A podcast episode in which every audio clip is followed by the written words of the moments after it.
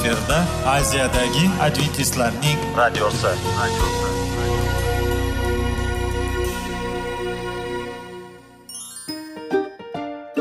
Assalomu alaykum aziz radio tinglovchilar. Sog'liq daqiqasi rubrikasiga xush kelibsiz. Zero tananing sog'lom bo'lishi va uning kasalliklardan saqlash har bir insonning burchi hisoblanadi. Inson uchun bebaho boylik bu sog'liq salomatlikdir. Uni asrash esa har birimizga omonat qilib berilgan. Shuning uchun ham inson o'z sog'lig'ini ehtiyot qilishi voajib amallardan hisoblanadi. Dono xalqimiz sog'liq tuman boylik deb bejiz aytmagan. Aql idroq sohibi bo'lgan inson o'z hayotini qadrlashi lozim bo'ladi. Hozirgi kunda qanchalik dori darmonlar ko'paymasin tibbiy muassa sifati shifokorlar vasiyasi tibbiy texnika yaxshilanmasin. Agar insonning o'z salomatligi haqida qayg'urmasa kutilgan natijaga erishib bo'lmaydi va biz sizlarga bizning dasturimizga xush kelibsiz deymiz.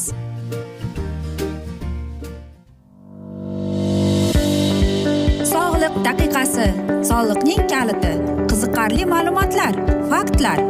Har kuni siz uchun foydali maslahatlar. Sog'liq daqiqasi rubrikasi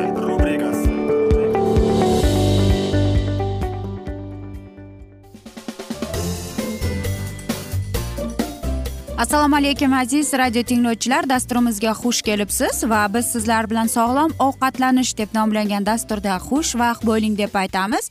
Va bugungi bizning dasturimizning mavzusi bu bosh og'riqlar va migren deb ataladi. Dunyo aholisining har yettinchi kishiga mm, migren begona emas uning alomatlari haqida qadimki yunonlar ham yozib qoldirishgan. Qadimki dunyo odamlari kasallik kelib chiqishda yovuz ruhlarni ayblashgan va ularni haydashga urinib odam bosh suyagida teshikcha ochishgan. Hozirgi kunda migren haqida bilganlarimiz avvalgi davrnikidan ko'p farq qilmaydi. Ammo davolashning insonparvar yo'llari mavjud. Migren desak o'zi nima deb savol beramiz? Migren bu irsiy kasallik bo'lib asosiy belgisi boshda to'xtab to'xtab tutadigan og'riqdir. U pulsni yodga soladi. Unga doimo ko'ngil aynishi eshitish va ko'rish ta'sirchanligi ortishi qo'shiladi. Odatiy shovqin va mayin yorqinlik g'am e, g'ashga tegadi keskin to'yiladi. Ammo barcha belgilar bir vaqtda sodir bo'lmasligi mumkin. Migrenning birinchi alomatlari yoshlikdan paydo bo'ladi. Masalan qizlarda balog'atga yetish davrida yoki yigirma yoshda. Eng yuqori cho'qqi o'ttiz qirq yoshda kuzatiladi. Yosh o'tishi bilan migrendan aziyat chekuvchilar soni kamayib boradi. Migren to'rt soatdan yetmish ikki soatgacha cho'ziladi va turli davomiylikka ega. Uning bir oyda o'n besh kunda kam davom etishi epizodlik turga mansubdir. O'n besh kundan ortiq davom etishi surunkali migren deb ataladi. Ularning davolash rejalari ham mutlaqo farqli. Aurali migren ham turi mavjud. Aura bosh og'rig'i paydo bo'lishidan avval qisqa muddatli nevrologik buzilishlar kuzatila boshlaydi. Aylanishi bosh aylanishi ko'rish qobiliyati vaqtincha buzilishi harakat sekinlashadi. Bular yarim soatda o'tib ketadi va so'ngra bosh og'rig'i boshlanadi. Harakat sekinlashishi deganda panja bilak yuz til qotib qolishi tushuniladi. Migrenning ba'zi turlari masalan tananing bir tomonida holsizlik bilan namoyon bo'luvchi gemiplegik turi bir gendagi mutatsiya tufayli yuzaga keladi. Shu sababli inson neyronlar giper harakatchanligiga moyil bo'ladi. Bu shuni anglatadiki miyaning hissiy tebranlanishga javob beruvchi sohalari oson qo'zg'aladi. Ammo migrenning aksariyat turlari poligendir ya'ni kasallik bir necha genlar omilida paydo bo'ladi. Migren tashqi qo'zg'atuvchilarga bog'liq bo'lishi ham mumkin. Ochlik uyqu yetishmasligi xavotirlanishdir. Olimlar nevrologik jarayonlar ustida hali ham ish olib borishyapti. Ammo jumboqning bir uchi allaqachon yechilib bo'lgan. Masalan migren sabablaridan biri bo'lgan bu qon tomirlarining kengayishining oldini oluvchi yangi dori vositalarini ishlab chiqilgan. Nima uchun? Uning qayerdan kelib chiqqani ma'lum emas. Ya'ni ko'p odamlar migren desa bu qayerdan kelgan o'zi qayerda paydo bo'lgan? Bu albatta keng tarqalgan yillab davom etadi. Bu farma kompaniyalar yillab davom etadi. Va bilasizmi ko'plab savollar berar ekanki migrenga faqat ayollar ko'proq uchraydimi deb? Yo'q aziz do'stlar. Ayollarda migren tashxisi ko'p aniqlashning sababi ular shifokor qabuliga tez tez borishadi va bosh og'rig'idan shikoyat qilishadi deydi. Nega o'zi migren bor? Eng ko'p sabab e, tarqalgan sabablardan biri bu. Stress uyqu yetishmasligi ba'zi mahsulotlar ya'ni shokolad shakar kofe tuzlangan oziq ovqat pishloq sitrus mevalar alkogol o'tkir hid shovqin yorug'lik o'ta og'ir jismoniy yuklama havo o'zgarishlar va hokazolardir. Uni davolasa bo'ladi aziz do'stlar. Lekin hisob kitoblarga ko'ra birgina migrenning o'zini iqtisodiyotiga yiliga bir yuz o'n bir milliard dollarga tushadi. Bu raqam shifokor tavsiyalarini narxi dorilar tadqiqotlar uchun ajratilgan deydi. Lekin biz aziz do'stlar sog'lom ham biz o'zimizdagi ratsionimizdagi oziq ovqatimizga qarashimiz kerak. Xo'sh qanday qilib deymizmi? Birinchi o'rinda aziz do'stlar biz o'zimizdagi nimani ratsionimizdan yo'q qilishimiz kerak? Bu o'ta kuchli alkogol ichimliklar. Bu vino pivo aroq va hokazolar.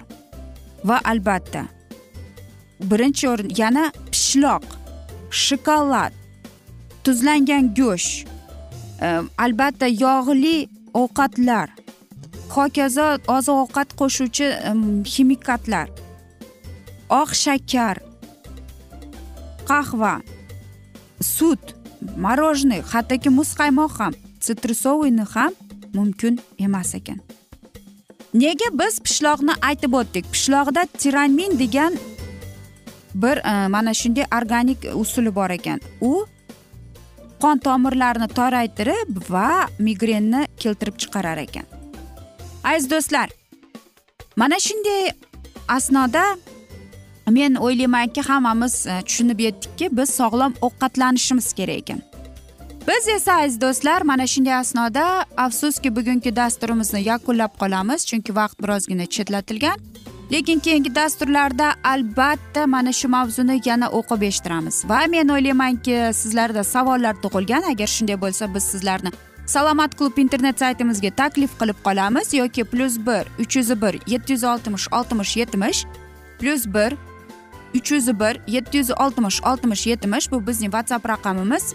Murojaat etsangiz barcha qiziqtirayotgan savollaringizga javob topasiz deymiz va albatta men umid qilamanki bizni tark etmaysiz deb chunki oldinda bundanda qiziq va foydali dasturlar sizlarni kutib kelmoqda. Biz esa sizlarga va oilangizga sog'liq tilagan holda o'zingizni va yaqinlaringizni ehtiyot qiling deb xayrlashib qolamiz.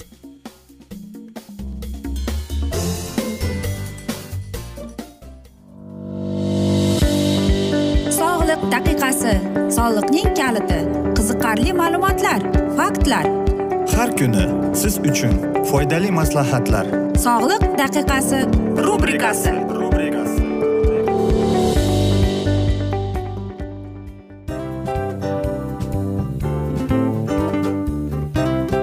Mana ha hayotda hamma narsaning yaxshi narsalar tugaydi va yakunlaydi degandek bizning dasturimizga ham yakun keldi. O'ylaymanki bizning dasturimiz sizga foydali bo'ldi deb aziz radio tinglovchimiz va siz?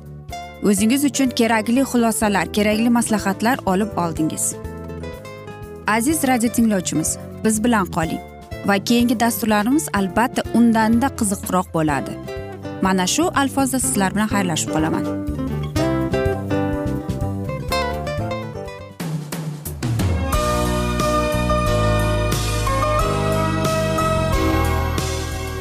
Efirda aziyadagi adventistlarning radiosi.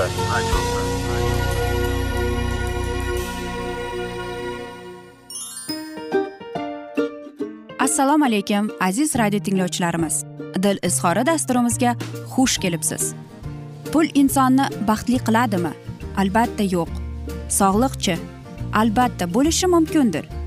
Lekin olimlar shuni isbotlashdiki to'liq va mukammal munosabatlar insonlarni baxtli qilar ekan. Albatta biz hayot davomida biz yaqin insonlar bilan odamlar bilan aloqada bo'lamiz va ular bilan munosabatlarimiz qanday kechadi qanday tuziladi? Yigit va qiz er va xotin ota ona va farzandlar va yaqin insonlar bilan. Balkim hozirgi vaqtda kimnidir hayoti yoki munosabatlari buzilyapti. Va bizning dasturlarimiz ularga yordam bo'ladi deb.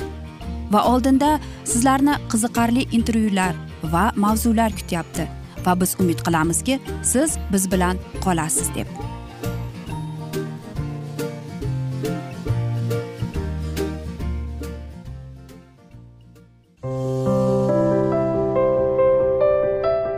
Har kuni har xil kasbdagi odamlar bilan sirlashish va bo'lishish sevgi rashq munosabat. Bularni hammasi dil izhori rubrikasida.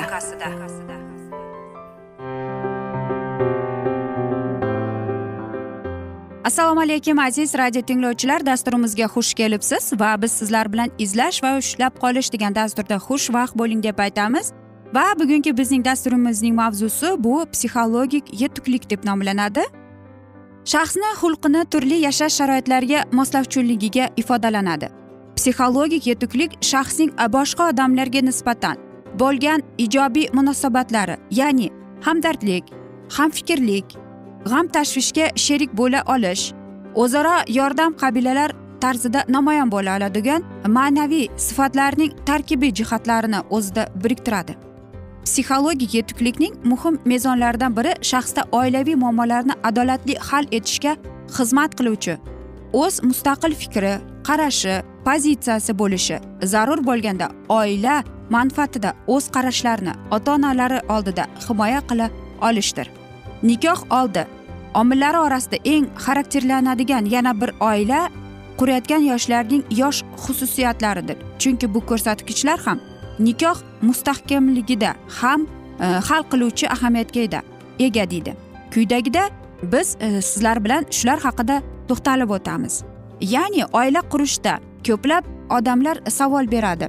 E, yosh oilaga oila qurishga yordam e, beradimi yoki qanday zararli yoki foydali tomonlari bormi? Qarangki demokratik nuqtai nazardan olinganda oila qurish ma'lum bir kishilarning emas balki butun bir avlodning oila qurishi nazarda tutiladi.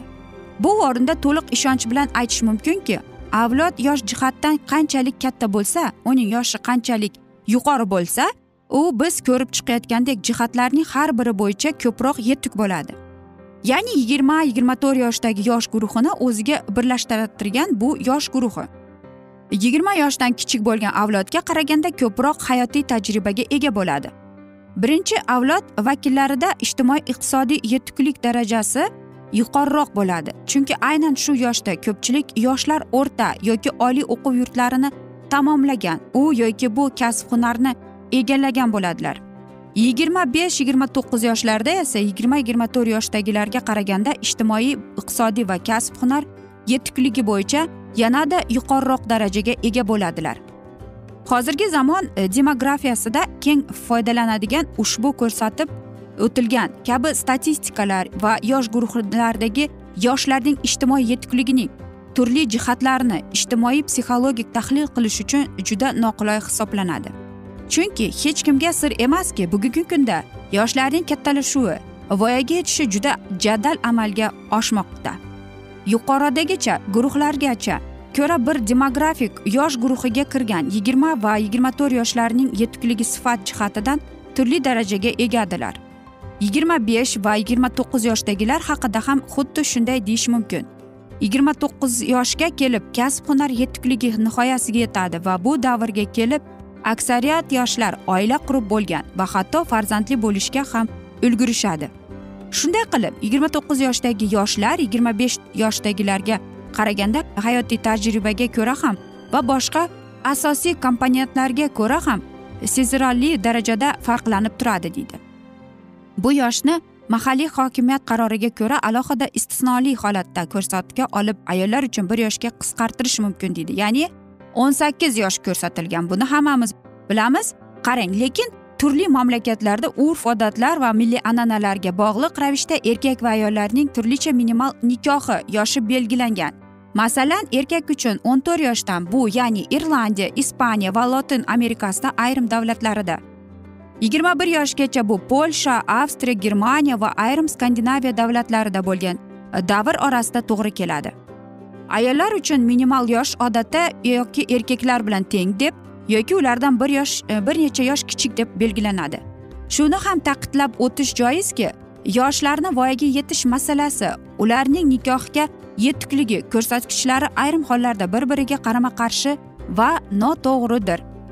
Odamning axloqiy va ma'naviy qiyofasi uning shaxsiy tabi didi odatlari hayot davomida bir necha bor o'zgarishi mumkin.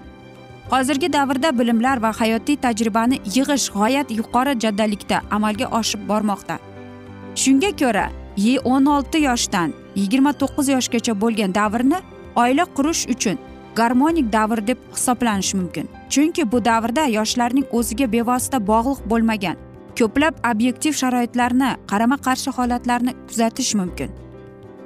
Masalan yoshlarda jinsiy yetilish o'n to'rt o'n olti yoshlarda huquqiy yetuklik o'n sakkiz yoshda kasb hunarni egallash va kasbiy yetuklik ko'p hollarda yigirma sakkiz o'ttiz yoshlarga kelib yuzaga kelishi mumkin. Ota onalarga boqinmaganda bo'lmaslik. Darajasida iqtisodiy mustaqillikka erishish esa odatda yigirma yoshdan o'ttiz yoshgacha bo'lgan vaqt oralig'ida amalga oshadi. Ko'pincha katta avlod vakillari yoshlarni yetuk emaslikda hayotga tayyor emaslikda ayblaydilar. Lekin ayni paytda bunday yetilmaslikning obyektiv sabablari va albatta shart sharoitlari e'tibordan chetga qoladi. Va aziz do'stlar agar biz keltirib o'tilgan ushbu nikoh oldomillari bilan bir qatorda nikoh mustahkamligida hal qiluvchi ahamiyatga ega bo'lgan omillardan yana biri bu oilaning yuzaga kelishiga asos bo'lgan nikoh qurish motivi motivlari va ularning o'ziga xos xususiyatlari bo'ladi. Quyidagi e, sizlar bilan mavzularni ana shu xususida boradi. Aziz do'stlar biz esa mana shunday asnoda bugungi dasturimizni afsus yakunlab qolamiz chunki vaqt birozgina chetlatilgan. Lekin keyingi dasturlarimizda albatta mana shu mavzularni yana o'qib eshittiramiz. Va agar sizlarda savollar tug'ilgan bo'lsa biz sizlarni plyus bir uch yuz bir yetti yuz oltmish oltmish yetmish yana bir bor qaytarib o'taman. Plyus bir uch yuz bir yetti yuz oltmish oltmish yetmish bu bizning whatsapp raqamimiz. Murojaat etsangiz barcha qiziqtirayotgan savollaringizga javob beramiz deymiz. Va men umid qilamanki bizni tark etmaysiz deb chunki oldinda bundanda qiziq va foydali dasturlar kutib kelmoqda deymiz. Biz esa sizlarga va oilangizga tinchlik farovonlik tilab va albatta seving seviling deb xayrlashib qolamiz.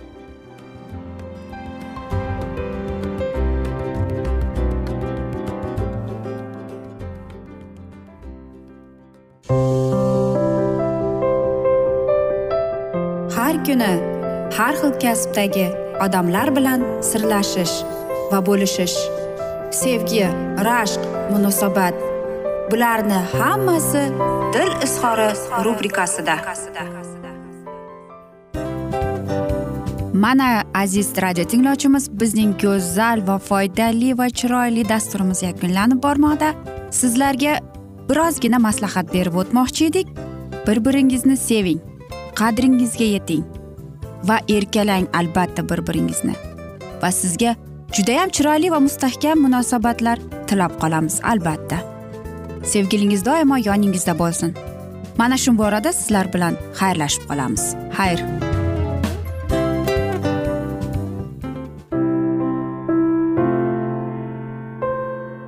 Hayotning noni.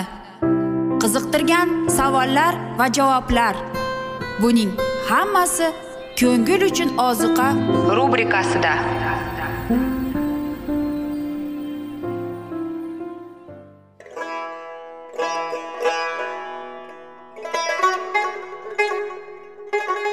Assalomu alaykum aziz radio tinglovchilarimiz. Ko'ngil uchun oziqa rubrikasida xush kelibsiz deymiz. Siz haqiqatni izlayapsizmi? Olamnimi? Umidnimi? Siz kimga murojaat qilmoqchisiz? Odamlar ko'pincha siyosat kuchiga tayanadilar. Dunyo iqtisodiyoti holati tobora chuqurlashib bormoqda.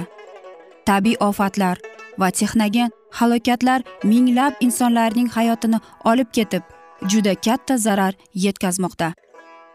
Sizga abadiy hayot inomini hadya qiluvchi va hayotingizni tubdan o'zgartiruvchi haqiqatni izlab toping. Xudo haqidagi haqiqat uning kalomida mujassamlashgan. Kimki bu haqiqatni butun qalbi bilan izlasa albatta unga yetishadi. Bu sevgi xudoning tarixidir.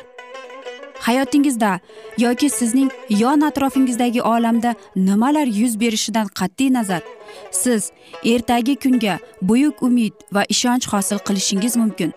Hozirda xudo sizga taklif qilayotgan umid ishonchga o'z qalbingizni oching va sizni qiziqtirayotgan mavzularni savollaringizga javoblaringizni topib olasiz deb umid qilamiz.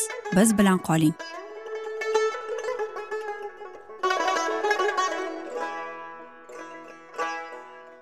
Assalomu alaykum aziz radio tinglovchilar. Dasturimizga xush kelibsiz va biz sizlar bilan ulug' otalar va payg'ambarlar degan dasturda xushvaqt bo'ling deb aytamiz va bugungi bizning dasturimizning mavzusi muso payg'ambar deb ataladi va biz sizlar bilan o'tgan galgi mavzuni bugun yana davom ettiramiz.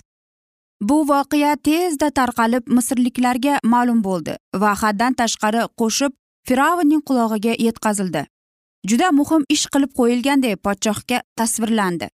O'z xalqini misrliklarga qarshi ko'tarib bor bo'lgan vakolatni olib tashlab taxtga o'zi o'tirish niyatida deb musoni aybladilar. Podshoh darhol musoga o'lim hukmini chiqardi chunki u tirik bo'lgungagacha mamlakat xavf ostida qolaveradi deb o'yladi. Tahliqali holatini tushuna boshlagan muso o'zini panaga olib arabistonga qochdi. Xudovand musoni yo'llantirar dedi va u midyot erining ruhoniysi va amiri yotirning uyida panoh topdi. U ham tirik xudoga topinardi. Bir necha vaqtdan so'ng muso uning qizlarining biriga uylandi va shu diyorda qirq yil davomida o'z qaynotasining qo'llarini boqib cho'pon bo'lib qolaverdi. Misrlikni o'ldirib muso otalari bir emas ko'p marta qilgan xatolarini takrorladi. Ya'ni xudo va'da bergan narsa o'z vaqtida u o'zi tayinlagan vaqtda qilinishni kutmay o'z ongi bilan harakat qilindi. Musoning fikri xayoli bo'yicha isroil xalqi urush orqali najot topishi kerak edi. Lekin xudovandning fikri boshqa bo'lib uning xalqi shunday yo'l bilan ozodlanishini u xohlamasdi. Ularning qaramligidan xalos bo'lishlari faqat xudoning qudrati bilan yuzaga chiqishi lozim. Chunki butun shon sharaf unga tegishlidir. Lekin xato shu fahmsiz harakat xudovand o'z niyatini bajarish uchun yo'llantirildi. Muso unga tayinlagan buyuk ishni bajarishga hali tayyor emas edi. Ibrohim va ishoq olgan ishonch darslarini u ham olishi darhol edi. Xudoning nazrlarini bajo keltirish uchun insoniy kuch va aqlga tayanmasdan ilohiy kuchga umid bog'lash keraklidir. Yagonalikda tog'lar ichida qolib muso boshqa ko'p narsalarga yetishishi oldida turardi. O'zidan kechib qiyinchiliklarda hayot kechirib u sabr toqatli bo'lishga va o'zini tutab bo'lishga urinmog'i kerak. Dono rahbarlik qilish oldidan u o'zi itoat qilishga o'rganishi lozim. Isroil xalqini xudoning irodasini tushunishga o'rgata olish uchun uning yuragi xudo bilan to'xta to'la ham e, ham ohanglikka yetishishi kerak edi. Hayotida unga nasib bo'lgan tajribalar kelajakda uning yordamiga muhtoj bo'lganlarga otalik g'amxo'rligi bilan muomala qilishni o'rgatur. Insoniy fikr yuritish bo'yicha musoning tajribalari ya'ni uzoq yillar davomida kechgan mashaqqatlari og'ir mehnat va noma'lumlik bularga juda ko'p vaqt isrof qilinib quyidagi savolni tug'dirdi. Nahotki shu kerak bo'ldimi? Nahotki shu sinovlarsiz eplab bo'ladimi? Ammo cheksiz donolik kelajakda uning umidini dohiysini bo'lgan qirq yil davom etgan kamtarona cho'ponlik mehnatiga da'vat etdi. Kuydagi fazilatlarning rivojlanishi ya'ni o'zidan kechish suruv ustidan e'tiborli va sezgir g'amxo'rlik qilish musoni isroilning hamdardli va uzoq chidamli cho'poni qilardi. Hech bir insoniy ilm va ma'rifat yoki madaniyat muso shu maktabda yetishganining o'rnini olmaydi. Endi muso o'rganganlaridan ko'pini unutmog'i lozim. U shuni tushundi. Unga misrda tegishli bo'lgan hammasi o'gay onasining sevgisi podshohning nevarasi sifatida uning baland vaziyati nuqsonli shodiyonar boylik hiylagarlik soxta dinning sirligi majusiylar diniy xizmatining hashamati binokorlik haykaltaroshlikning tantanali yuksaligi. Bularning hammasi yosh jonda chuqur iz qoldirdi va belgili darajada uning xulqini va tabiatini shakllantirdi. Vaqt sharoitning almashuvi xudovand ila muloqot shu taassurotlarni bora bora ongidan chiqarib tashlardi. Haqiqatni tan olib adashishni tark etish uchun musoning o'zidan hayot uchun emas balki o'lmas uchun kurash talab qilindi. Inson uchun kurash haddan qattiq bo'lar ekan. Xudovand uni quvvatlashga va'da berdi. Muqaddas ishda ishtirok etish uchun da'vat etilgan har bir kishida yetishmovchiliklari bor. Lekin shundaylar o'z odatlariga yopishib o'zidan mamnun bo'lmaydilar va qaysarlik qilmaydilar. Chunki qalbdan ular ilohiy donolikka yetishib uning uchun xizmat qilishga o'rganmoqchilar. Aziz havoriy yoqub deydi agar sizlardan biron kishining hikmati kamlik qilsa hammaga samimiyat bilan ta'na qilmasdan beruvchi xudodan so'rasin. Xudo unga beradi. Lekin kishilar o'zlari zulmatda bo'lishlariga qanoatlanib yashaguncha xudodan keladigan ilohiy nurga sazovor bo'lmaydilar. Samoviy yordam olish uchun inson o'z ojizligini va yetishmovchiliklarini tushunishi kerak. Uning vujudida sodir bo'layotgan buyuk o'zgarishda u butun e'tiborni jalb qilishi kerak. U chin qalbdan matonatli ibodatga uyg'onib astoydil turishi e, lozim. Zararli o'rganishlar va odatlarni qoldirish kerak. Faqat o'z yetishmovchiliklaridan hormay tolmay bo'shashib va muqaddas asoslarga bo'ysunib g'alaba qilsa bo'ladi. Ko'plar hech qachon ularga tayinlangan vaziyatda ega olmaydilar. Chunki ularning ishini xudo bajaradi deb kutadilar. Va aziz do'stlar mana shunday asnoda biz bugungi dasturimizni yakunlab qolamiz. Afsus vaqt birozgina chetlatilgan lekin keyingi dasturlarda albatta biz mana shu mavzuni yana o'qib eshittiramiz. Va agar sizlarda savollar tug'ilgan bo'lsa biz sizlarga plyus bir uch yuz bir yetti yuz oltmish oltmish yetmish yana bir bor qaytarib o'taman plyus bir uch yuz bir yetti yuz oltmish oltmish yetmish bizning whatsapp raqamimiz murojaat etsangiz bo'ladi va men umid qilamanki bizni tark etmaysiz deb chunki oldinda bundanda qiziq bundanda foydali dasturlar kutib kelmoqda sizlarni biz esa sizlarga va oilangizga tinchlik totuvlik tilagan holda o'zingizni va yaqinlaringizni ehtiyot qiling deb xayrlashib qolamiz